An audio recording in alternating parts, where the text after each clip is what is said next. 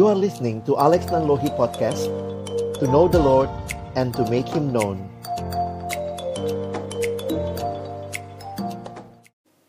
Kami akan membuka firman-Mu ya Tuhan, bukalah juga hati kami. Jadikanlah hati kami seperti tanah yang baik, supaya ketika benih firman-Mu ditaburkan, boleh sungguh-sungguh berakar, bertumbuh, dan berbuah nyata di dalam hidup kami. Berkati setiap kami yang akan bersama-sama merenungkan firman-Mu.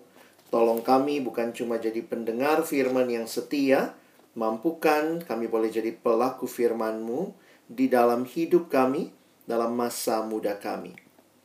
Bersabdalah ya Tuhan kami umatmu sedia mendengarnya. Dalam satu nama yang kudus, nama yang berkuasa, nama Tuhan kami Yesus Kristus, Sang Firman yang hidup, kami menyerahkan pembacaan dan perenungan firman-Mu. Amin. Pagi hari ini sama-sama kita akan melihat firman Tuhan di dalam Injil Markus Markus 16 ayat yang pertama sampai dengan ayatnya yang ke-8. Saya mengajak kita boleh memperhatikan, saya juga sudah coba menuliskan ayatnya di screen untuk saudara boleh ikuti di dalam pembacaan dan perenungan firman Tuhan pagi hari ini.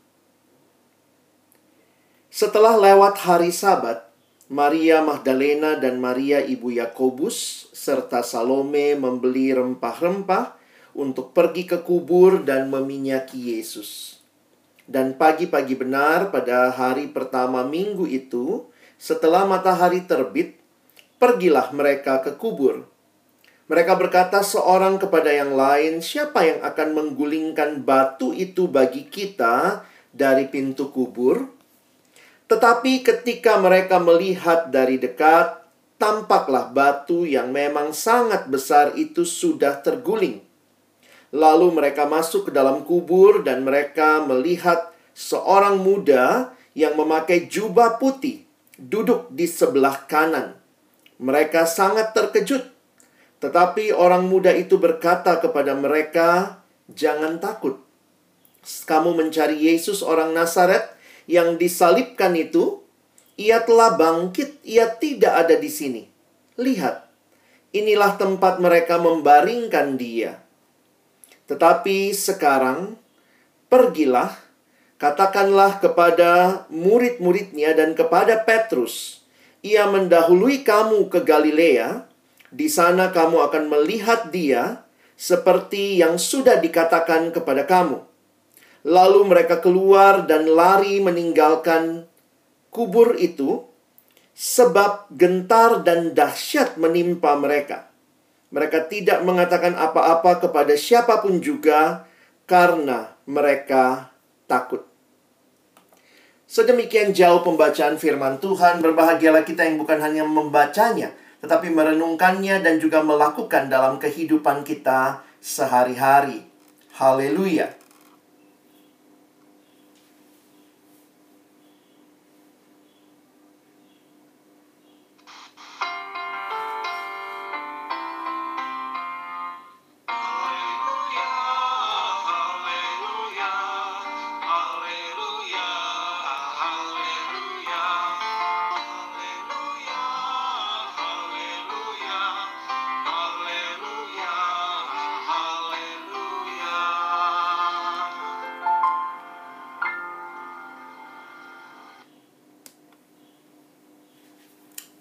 Shalom, selamat Paskah, saudara yang dikasihi dalam Tuhan Yesus Kristus. Saya bersyukur kepada Tuhan boleh melayani pada pagi hari ini di dalam ibadah Paskah ini. Saya mengajak kita sama-sama akan melihat bagian firman Tuhan yang sudah kita baca tadi. Dan saya ingin mengajak kita untuk memikirkan beberapa hal berkaitan dengan kebangkitan Kristus dalam tema kebangkitannya yang memulihkan. Satu kutipan mengawali pemberitaan firman Tuhan hari ini dari hamba Tuhan Bapak John Stott mengatakan kita manusia, kita itu hidup lalu mati. We live and die. Tetapi Kristus, dia telah mati dan dia pun bangkit. Inilah kehidupan yang sangat berbeda ketika manusia hanyalah hidup lalu mati, tetapi Kristus dia mati dan dia hidup memberikan kemenangan bagi setiap orang yang percaya kepadanya. Ada tiga hal yang ingin saya bagikan berkaitan dengan perenungan akan Paskah pada hari ini dalam tema kebangkitannya yang memulihkan. Yang pertama yang perlu saudara ingat ketika Injil mencatat tentang kebangkitan Kristus. Keempat Injil mencatat kebangkitan Kristus. Bicara tentang kelahiran Kristus hanya dua Injil yang mencatat. Injil Matius dan Injil Lukas.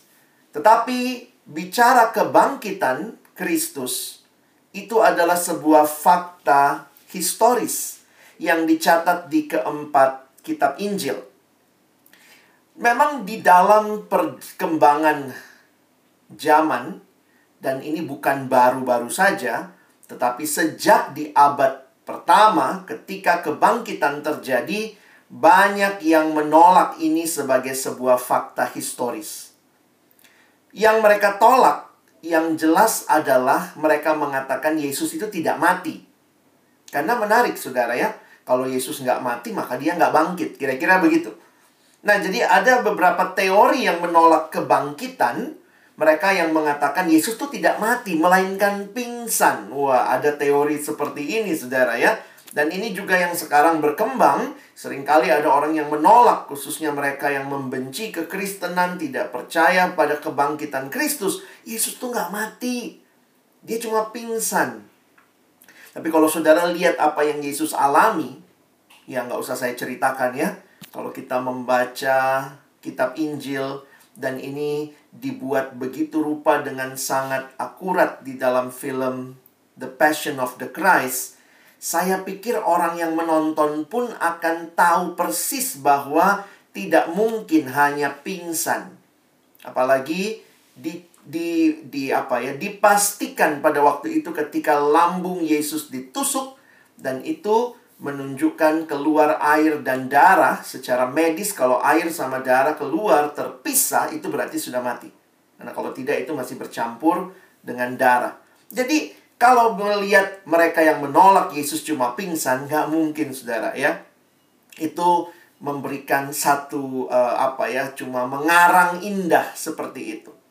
Teori lain yang menolak kebangkitan adalah teori para murid mencuri jenazah Yesus. Yesusnya nggak bangkit, muridnya mencuri. Dan kalau saudara perhatikan, ini juga bukan teori baru. Bahkan sudah ada persis setelah kebangkitan. Di dalam Matius pasal yang ke-28, Perhatikan di ayat yang ke-11. Ketika mereka di tengah jalan, datanglah beberapa orang dari penjaga itu ke kota dan memberitahukan segala hal yang terjadi itu kepada imam-imam kepala. Bahwa Yesus sudah bangkit kuburnya, batunya terguling, ayat 12. Dan sesudah berunding dengan tua-tua, mereka mengambil keputusan lalu memberikan sejumlah besar uang kepada serdadu-serdadu itu. Disuap mereka. Dan berkata, kamu harus mengatakan bahwa murid-muridnya datang malam-malam dan mencurinya ketika kamu sedang tidur.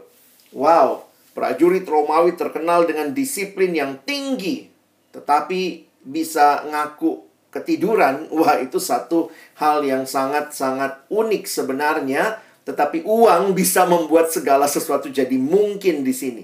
Mereka menerima suap dan akhirnya ayat 15 dicatat mereka menerima uang itu dan berbuat seperti yang dipesankan kepada mereka. Dan cerita itu tersiar di antara orang Yahudi sampai sekarang ini. Sampai waktu Matius menuliskan Injilnya. Jadi kita juga menolak tentunya teori uh, apa ya jenazah atau tubuh Yesus dicuri oleh muridnya. Lalu selanjutnya juga ada teori ini saudara ya. Katanya perempuan suka susah ya pakai peta ya. Jadi perempuan datang ke kubur yang salah, GPS-nya nggak nggak berfungsi gitu ya. Wah, teori salah kubur juga menjadi teori yang mengatakan pantas waktu datang ya kuburnya kosong, salah kok kuburnya ya.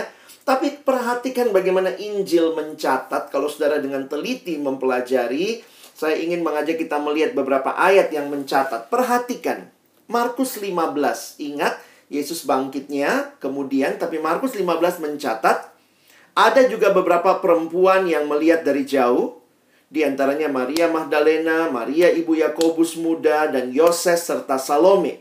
Nama Maria itu ngetop zaman itu ya. Jadi Maria ini, Maria ini, Maria itu ya. Mereka semuanya telah mengikuti Yesus dan melayaninya waktu ia di Galilea dan ada juga di situ banyak perempuan lain yang telah datang ke Yerusalem bersama-sama dengan Yesus. Lalu, perhatikan uh, ayat 47. Maria Magdalena dan Maria ibu Yoses. Jadi jelas dikasih tahu Maria yang mana. Maria Magdalena, Maria ibu Yoses melihat di mana Yesus dibaringkan. Sehingga kalau kita perhatikan di Markus 16 yang kita baca tadi, Maria yang sama ya. Coba perhatikan itu ya.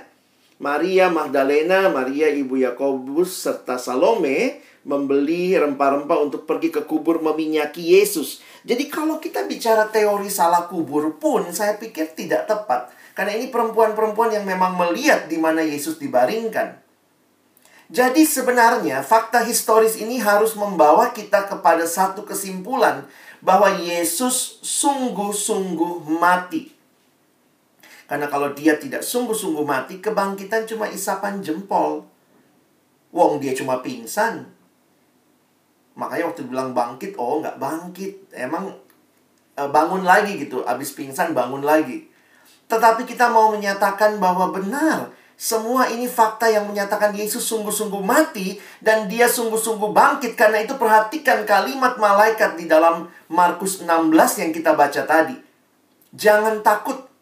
Kamu mencari Yesus orang Nazaret yang disalibkan itu. Saudara perhatikan ini pun dengan jelas malaikat menyatakan Yesus orang Nazaret.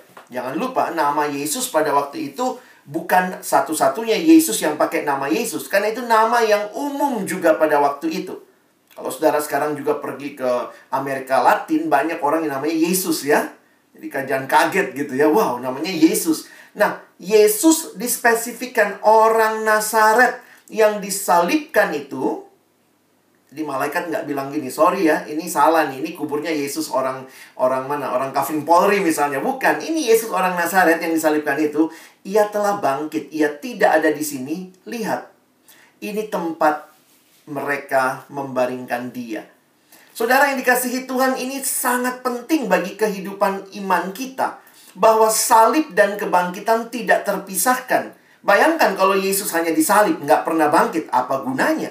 Tetapi kebangkitan memastikan bahwa ini adalah sebuah peristiwa yang sungguh-sungguh terjadi dan Yesus sendiri berkata dia adalah kebangkitan dan dia memberikan hidup yang baru melalui kebangkitannya.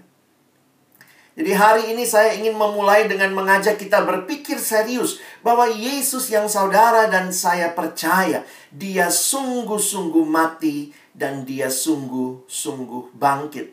Itu adalah fakta historis. Yang kedua, kebangkitan Yesus menegaskan kemenangannya di kayu salib. Nah, memang sering kali cara berpikir kita, termasuk saya juga begitu ya, sebelum saya pelajari, kita berpikir begini, Yesus tuh mati di kayu salib, nah dia kalah di situ tuh. Dia kalahnya Jumat Agung tua, kekalahan Yesus. Lalu nanti Minggu Paskah kemenangannya. Jadi cara berpikir kita, Yesus kalah dulu baru menang. Tidak, tidak demikian. Kalau kita baca Alkitab dengan teliti, sebenarnya saudara bahkan bisa melihat kemenangan Kristus itu justru dicapai di kayu salib. Hah? Mungkin kaget. Masa sih? Itu yang Alkitab sampaikan. Karena itu saya kembali mengutip kalimat dari hamba Tuhan Bapak John Stott tadi ya. Dia mengatakan, we are not to regard the cross as defeat and the resurrection as victory. Jangan begitu cara lihatnya uh, salib, kekalahan, lalu mati sampai mati lagi gitu ya. Ini udah KO banget begitu. Lalu bangkit, kemenangan. Bukan demikian. Perhatikan cara dia menjelaskan. Lihat Kolose pasal 2 di dalam Alkitab jelas sekali dituliskan. Perhatikan saya ajak langsung kepada ayat 14 bagian B.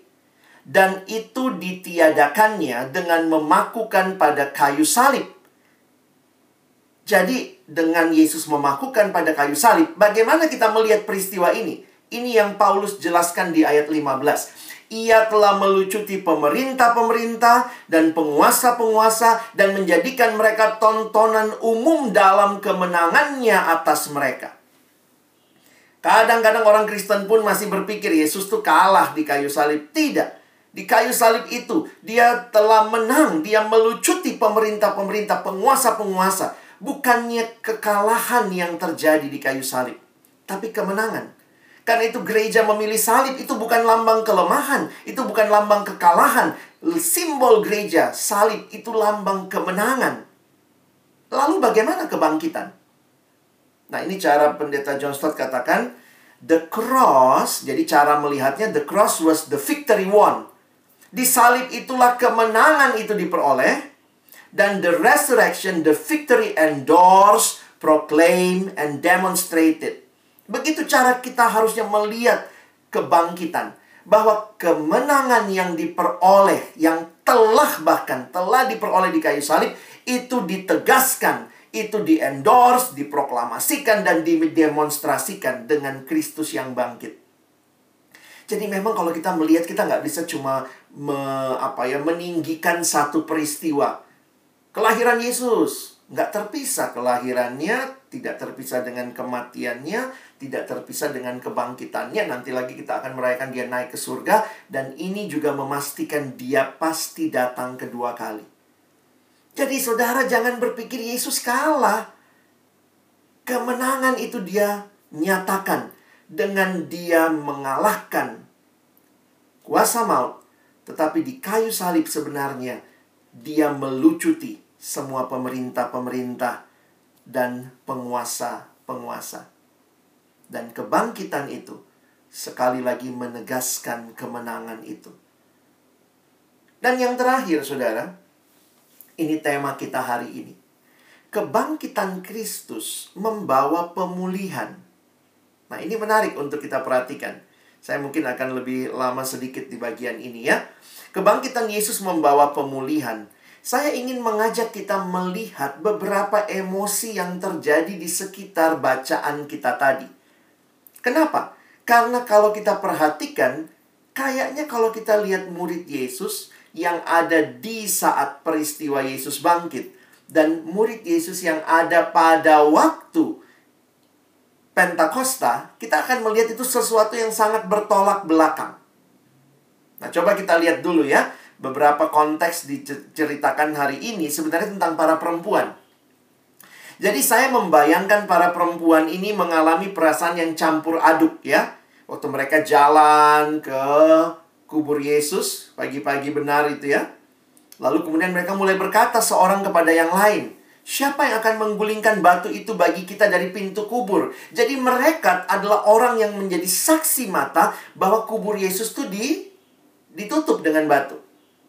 Dan sudah terbayangkan itu, waduh, bagaimana menggulingkan batu ini? Mungkin mereka saling lihat, saling nengok gitu. Oh Maria, eh, kamu tuh yang kamu fitness kan, kamu nge-gym. Ya udah kamu Maria yang ini aja yang buka gitu ya. Mungkin mereka udah pada ngobrol begitu kali ya. Tetapi ini memberikan satu perasaan campur aduk. Bayangkan, datang tapi nggak tahu siapa yang menggulingkan batu itu. Lalu bukan hanya itu, ketika sampai eh batunya sudah terguling.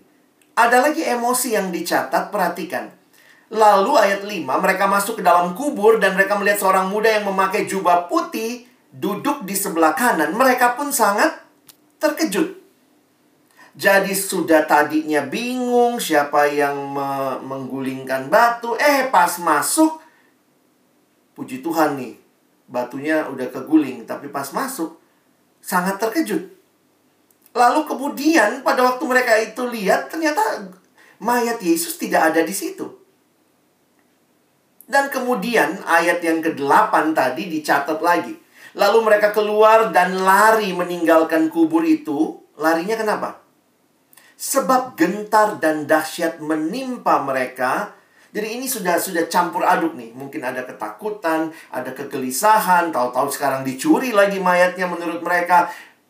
Gentar, dahsyat menimpa mereka. Mereka tidak mengatakan apa-apa kepada siapa pun juga karena takut. Semua emosi ini emosi yang juga teman-teman dan saya kalau kita pikir-pikir ya, dalam masa pandemi ini juga kita alami ya. Ketidakpastian sampai kapan sih? Kita juga mulai kalau terjadi kepada keluarga kita, kita ketakutan, kita gentar, kita nggak tahu masa depan seperti apa, persis seperti yang dialami para perempuan ini. Seorang pengkhotbah bernama Rico Tice mencoba menggambarkan tiga emosi perempuan ini. The woman experienced three things. Tentu mereka masih sangat bersedih, grief of the death of Jesus, sedih karena kematian Yesus, tapi juga ketakutan karena pada waktu itu sebenarnya mereka ada di bawah penjajahan Romawi, jadi takut kepada Roman authority.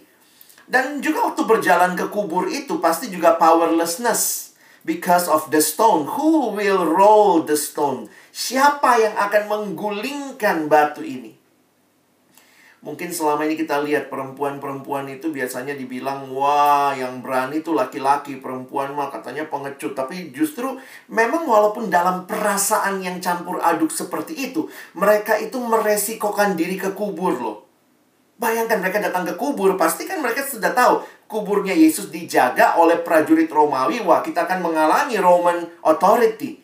Dan kita juga nggak tahu siapa yang akan menggulingkan batu, tapi mereka tetap pergi dan bagi saya ini satu hal yang sebenarnya sangat unik begitu ya.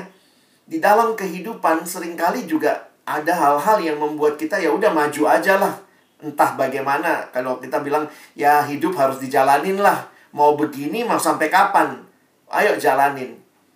Nah mungkin jadi pertanyaan yang laki-lakinya ke mana nih? Murid Yesus yang laki-laki pada ke mana?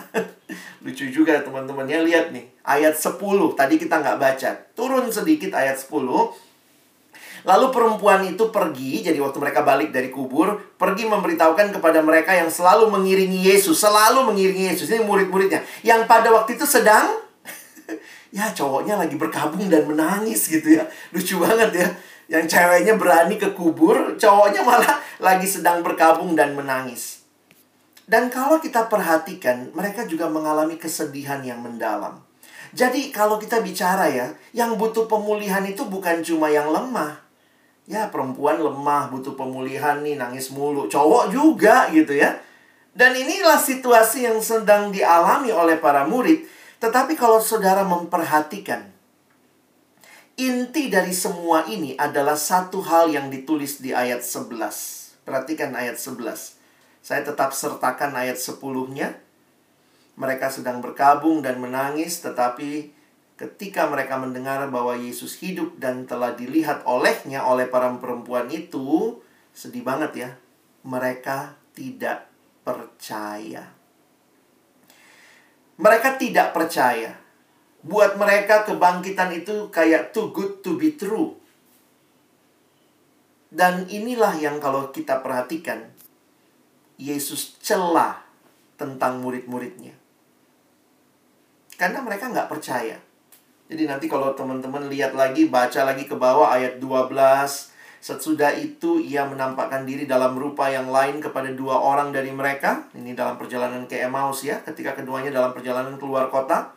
Lalu kembalilah mereka dan memberitahukannya kepada teman-teman yang lain. Tetapi kepada mereka pun, teman-teman itu tidak percaya. Jadi bayangkan ya, perempuan-perempuan sudah kasih tahu nggak percaya murid-murid intinya ya. Lalu dua murid dari Emmaus sudah kasih tahu tidak percaya juga. Dan ini menarik karena Injil Markus mencatatnya.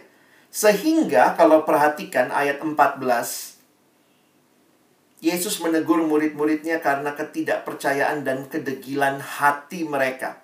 Mereka nggak percaya kepada saksi kebangkitan. Akhirnya ia menampakkan diri kepada kesebelas orang itu ketika mereka sedang makan dan ia mencela ketidakpercayaan dan kedegilan hati mereka. Orang Yahudi itu kalau di pengadilan sebenarnya cukup dua atau tiga saksi. Dan ini sudah dua saksi ya, perempuan dan murid yang dari Emmaus, muridnya pun berdua begitu ya. Jadi sebenarnya Yesus sudah mengutus itu saksi untuk menyaksikan kebangkitannya. Namun murid-murid masih tidak percaya. Itulah sebabnya tadi kita lihat Yesus menegur mereka. Tetapi sekarang perhatikan. Ternyata perjumpaan mereka dengan Yesus yang bangkit membawa pemulihan. Saudara yang dikasih Tuhan, perhatikan what next. Orang-orang ini yang kira-kira hampir dua bulan kemudian, orang-orang yang ketakutan, yang sedih berkabung, ada seperti Petrus yang berdiri dan berkhotbah di depan banyak orang di peristiwa Pentakosta. Bayangkan ya, ketakutan diganti dengan keberanian. Ketidakpercayaan menjadi keyakinan. Wah, perjumpaan dengan Yesus yang bangkit ini membawa pemulihan. Kebangkitan Yesus memberikan hidup yang baru. Bapak John Stott mengatakan, apa sebenarnya bukti kebangkitan yang paling jelas? Dia bilang, gak usah jauh-jauh deh, lihat hidup para murid. Itulah bukti yang paling jelas hidup para murid. Perhaps the transformation of the disciples is the greatest evidence of all for resurrection. Transformasi para murid yang ketakutan menjadi berani, yang begitu sedih menjadi begitu sukacita. Itulah sebenarnya bukti yang paling besar tentang kebangkitan itu. Waktu Yesus mati, mereka hancur hati, kebingungan, ketakutan, tetapi kurang lebih dua bulan. Dua bulan dia hitungnya dari Yesus bangkit sampai Yesus naik ke surga, lalu kemudian roh kudus turun. Jadi 50 hari ya, sampai Pentakosta. Jadi kira-kira dalam waktu kurang lebih dua bulan, they came out of hiding. Tadinya mereka sembunyi, ketakutan. Perhatikan di Pentakosta, mereka full of joy, full of confidence, full of courage. Kenapa bisa seperti itu, saudara? Apa yang membuat dramatic transformation ini? Karena the resurrection together with Pentecost. Karena waktu Pentakosta roh kudus turun ya. Dan roh kudus adalah roh yang bersaksi, roh misi. Dan itulah saya lihat sebagai sebuah kekuatan bagi kita ya. Jadi buat kita yang ada di dalam perjanjian baru, kita sudah tahu dong ya, Yesus bangkit dan roh kudus juga sudah diberikan di hati setiap kita yang percaya. Jadi kalau saudara dan saya hari ini merayakan Paskah, apa yang kebangkitan Yesus tegaskan bagi hidup kita saat ini?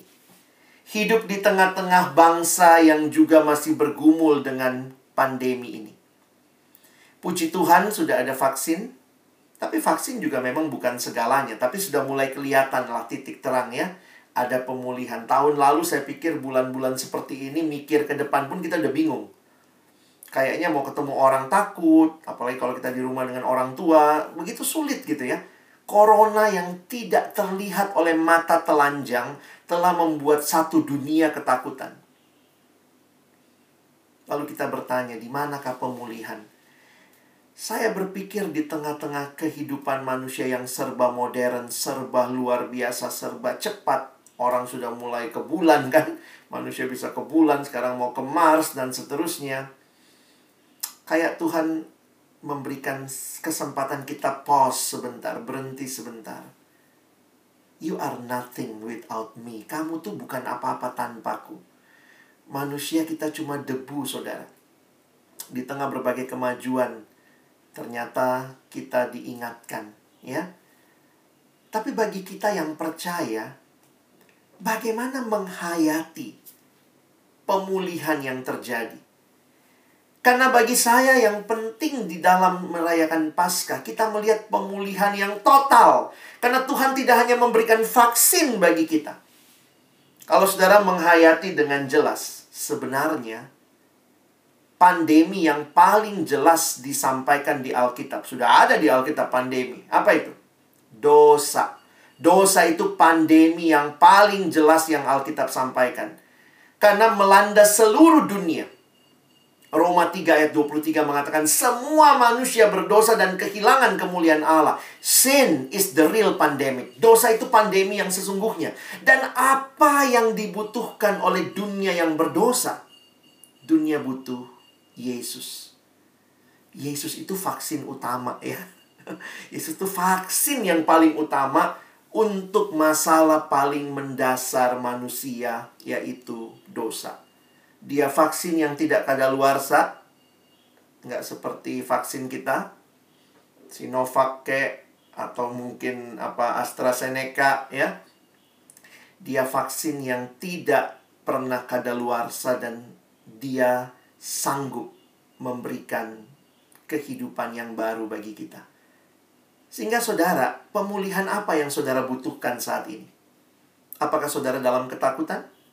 Apakah saudara dalam keterikatan? Mungkin dosa itu yang perlu saudara selesaikan. Banyak orang juga hidup nyaman di tengah pandemi karena rasanya nggak kena kok sama saya, kantornya masih jalan, usaha masih lancar. Tapi ternyata yang mengikatnya butuh pemulihan dari mana? Ternyata selama pandemi, eh lebih rajin pornografi karena akses internet terus. Apa pemulihan yang saudara butuhkan? Pemulihan seperti apa? Dari keterikatan semacam apa yang saudara butuhkan? Nah, saya melihat ya, ada tiga hal yang penting kita hayati tentang pemulihan. Pertama, kebangkitan Yesus itu memastikan pengampunan Allah bagi kita. Jadi, Kebangkitan Yesus memastikan God's forgiveness. Di mana ayatnya? Perhatikan. Jika Kristus tidak dibangkitkan, maka sia-sialah kepercayaan kamu, kata Paulus di 1 Korintus 15 ayat 17. Dan, kalau Yesus tidak bangkit, kamu masih hidup dalam dosamu. Karena Yesus bangkit, maka ada pengampunan bagi kita. Jangan lagi hidup di dalam dosa. Jangan hidup dalam masa lalu. Dosa diampuni. Dan kedua, kebangkitan Yesus juga memastikan kuasa Allah, God's power. Mengapa hal ini menarik? Karena kuasa Allah yang telah membangkitkan Yesus dari antara orang mati, kuasa yang sama itu yang bekerja di dalam hidup kita, membangkitkan kita dari maut menuju ke hidup yang kekal. Saya kutip lagi Bapak John Stott. God raised God who raised Jesus from physical death can raise us from spiritual death and make us new people in Christ. Wah, ayatnya banyak. Salah satunya Efesus. Betapa hebat kuasanya. Dan kuasa yang hebat itu, kuasa yang telah membangkitkan Yesus, itu ada di dalam hidup setiap kita yang percaya. Jadi saudara dan saya sekarang hidup dalam kuasa dari Allah, kuasa untuk hidup bagi Allah, kuasa untuk hidup mengalahkan dosa, bukan untuk terus-menerus hidup dalam dosa. Bukan hidup dalam ketakutan. Makanya coba cek virus apa nih yang lagi menjangkiti saudara. Mungkin bukan COVID. Wah, saya nggak kena COVID, Pak. Puji Tuhan. Tapi mungkin kemalasan. Mungkin lagi di rumah kemarahan. Cheating lying, envious, porn, greed. Dan Kristus memberikan kuasa untuk saudara dan saya bisa keluar dari situ. Kita bisa berkata, I am free because of Jesus. Dan bukan hanya itu, saudara. Kebangkitan Kristus memastikan ada akhir yang berkemenangan. God's ultimate triumph. Saudara kalau perhatikan ayat di 1 Petrus, menarik sekali kalimatnya. Yesus telah melahirkan kita kembali oleh kebangkitan Yesus Kristus dari antara orang mati kepada suatu hidup yang penuh pengharapan. Kenapa bisa Yesus itu membawa kita ke dalam suatu hidup yang penuh pengharapan? Oleh kebangkitannya. Manusia itu cuma kenal siklus hidup begini. Lahir, hidup, mati. Itulah cerita manusia. Lahir, hidup, mati. Itu cerita kita. Apalagi di dalam dosa, lahir, hidup, mati. Binasa, kekal. Tetapi kebangkitan Kristus memberikan kepada kita akhir yang berbeda. Bukan cuma lahir, hidup, mati. Tetapi bangkit. Karena Yesus bangkit, kita pun yang percaya kepadanya bangkit. Jadi siklus hidup bagi kita yang percaya bukanlah lahir hidup mati, tapi lahir hidup mati bangkit. Inilah yang memberikan kepada kita pengharapan. We have a living hope because we have a living Savior. Saudara luar biasa. Engkau bisa dipulihkan. Engkau bisa punya masa depan yang cerah. Karena apa? Karena Yesus bangkit. Saya gambarkan dengan diagram ini. Kebangkitan Yesus menjamin hidup orang percaya.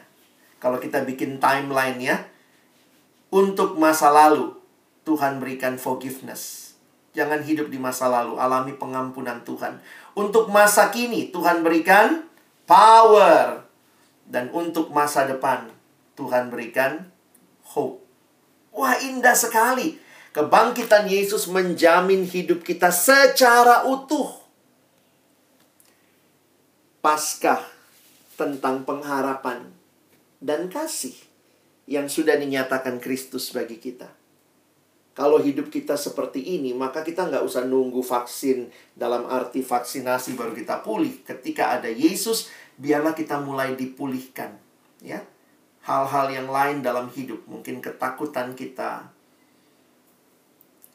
iri hati kita. Vaksin menjadi harapan, tapi ada vaksin yang lebih utama, yaitu kehadiran Yesus yang harus saudara alami. Saudara masih menunggu vaksin dengan begitu berharap, tapi teruslah alami kebangkitan Kristus yang memberikan kita hari depan yang indah. Because He lives, we can face tomorrow. Karena itu hari ini saya menutup dengan aplikasi yang menantang setiap kita. Bagaimana dengan kita? Saudara butuh pemulihan yang mana? Dalam cara pandangmu kah melihat dunia? Dalam caramu bersikap menghadapi situasi sulit? Dalam caramu menghadapi kehidupan yang serba tidak pasti? Berharaplah datang pada Tuhan.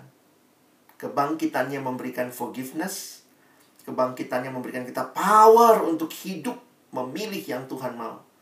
Dan kebangkitannya memberikan kita future hope yang pasti.